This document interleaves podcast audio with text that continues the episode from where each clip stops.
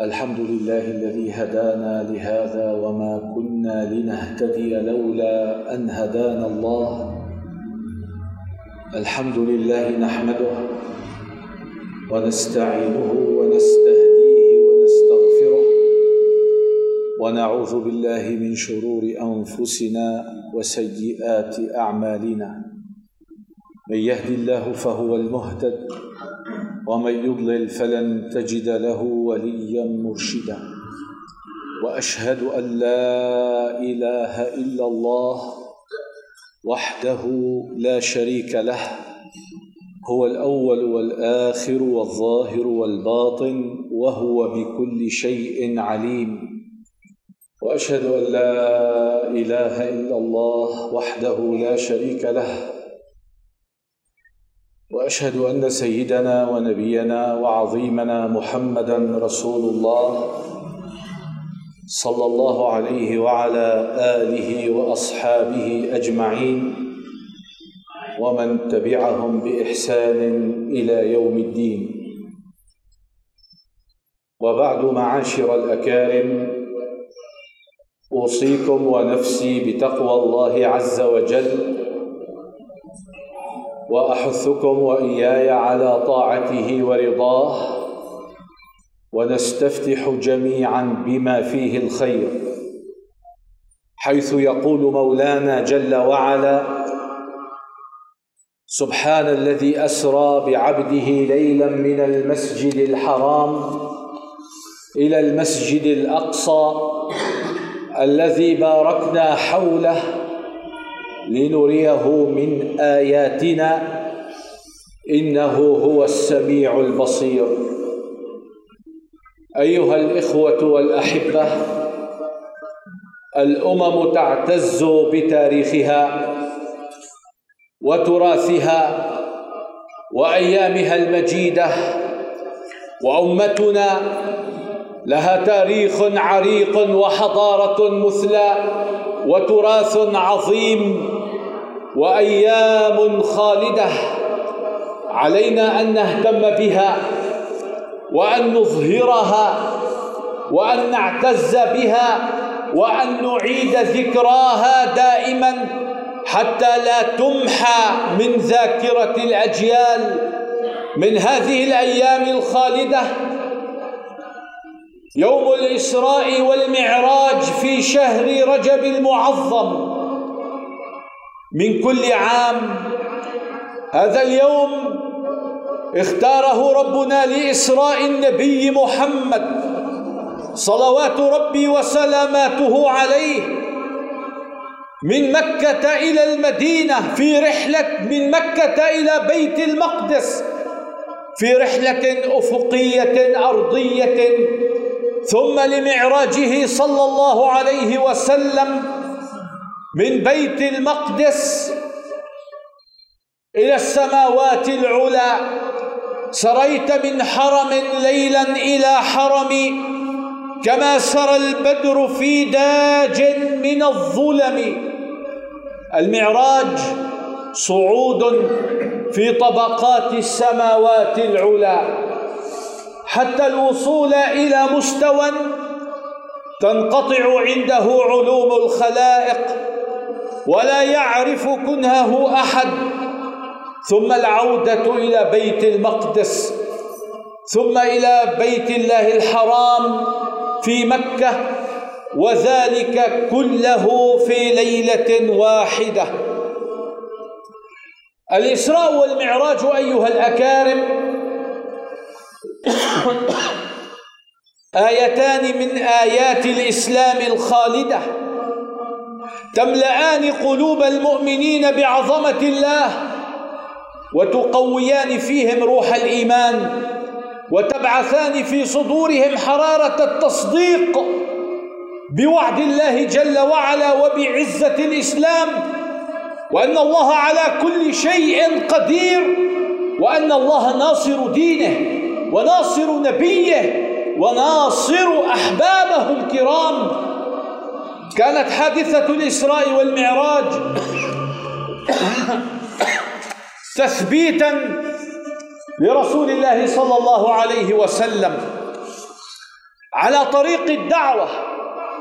تثبيتا لقلب النبي عليه الصلاة والسلام على طريق دعوة الخير والرشاد والنور الإلهي وتكريما لسيدنا رسول الله صلى الله عليه وسلم في أعقاب سنين طويلة من العمل المتواصل والصبر على أذى المشركين فقد تعرض النبي عليه الصلاة والسلام لألوان شتى من الأذى والمحن والمصائب والشدائد والمشاق وهو صابر محتسب في الدعوة إلى الله.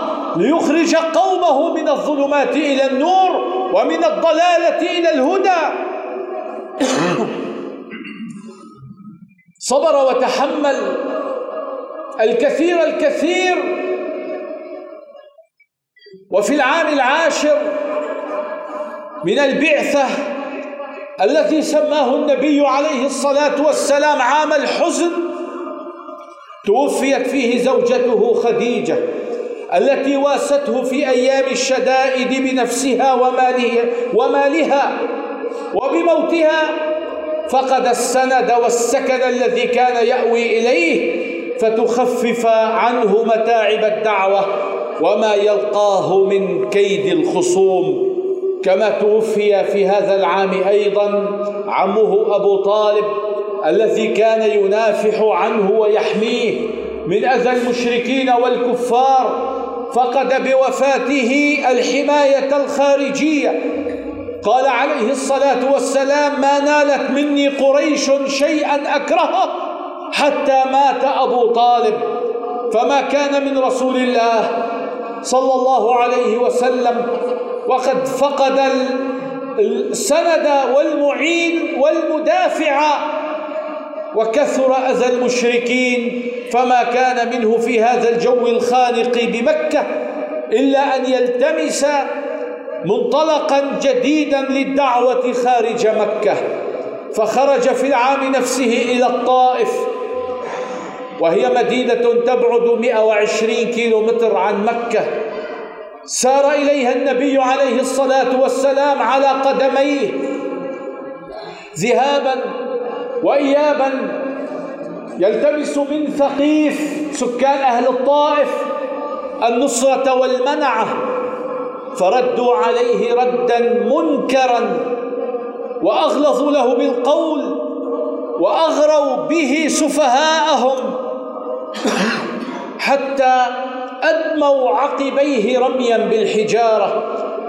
ابتعد عنهم وجلس هناك في ظل كرمة ليستريح ثابت إلى نفسه ذكريات الأيام التي عاناها في مكة وسلسلة المآسي المتلاحقة التي كان كابدها فوقف موقف الضارع إلى الله يجأر إليه شاكيا ضارعا مناجيا باكيا.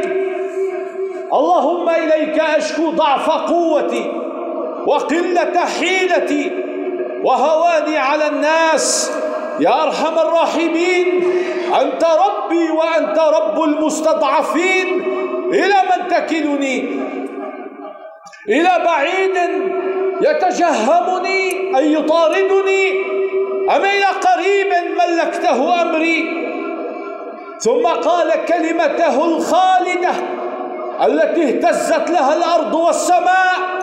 قال إن لم يكن بك غضب علي فلا أبالي ولكن عافيتك أوسع لي.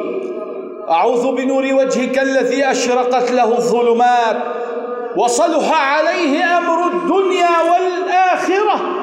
من أن ينزل بي غضبك أو يحل بي سخطك لك العتبى حتى ترضى. ولا حول ولا قوة إلا بالله العلي العظيم. في هذا درس لنا ولكل مسلم أن يبقى حاملا لرسالة الإسلام أن يبقى حاملا للواء هذا الدين بالحكمة والموعظة الحسنة داعيا مبلغا مرشدا آمرا بالمعروف وناهيا عن المنكر. أن يبقى مستقيما على دين الله مستقيما على شرع الله. في هذا درس عظيم لنا ولكل مسلم أن يتمسك بدينه أكثر. سمع ربنا شكوى رسوله. سمع ربنا تضرع رسول الله صلى الله عليه وسلم. فكانت عند ذلك رحلة الإسراء والمعراج. رحلة أرضية سماوية ليزداد يقينا بأنه بعين رعاية الله وأن الله لن يتخلى عن نبيه ولا عن حبيبه ولن يخذله أبدا. وإنما تركه يعاني ما يعانيه. ليكون درسا وعبرة وأسوة لأمته في الصبر على الأذى وتحمل أنواع البلاء والمحن والصعاب في سبيل الله وفي سبيل نصرة دين الله ودعوة الحق. إذا كان الأهل والعشيرة قد جفوك وأنكروك فإن الله وحده قادر أن يجعل من هذا الأمر فرجا ومخرجا وجاء الفرج من الله فكانت رحلة الإسراء والمعراج ترفيها لقلب النبي عليه الصلاة والسلام في هذه الرحلة الأرضية السماوية ترفيها لقلبه عليه الصلاة والسلام وليريه من آياته الكبرى وليحمله هدية من السماء السابعة إلى أمته.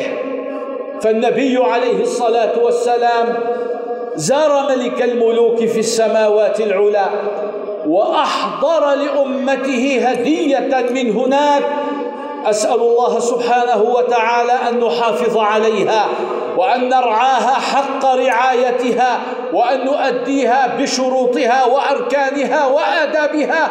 اللهم علمنا ما ينفعنا وانفعنا بما علمتنا وزدنا علما وعملا متقبلا يا كريم. وآخر دعوانا أن الحمد لله رب العالمين.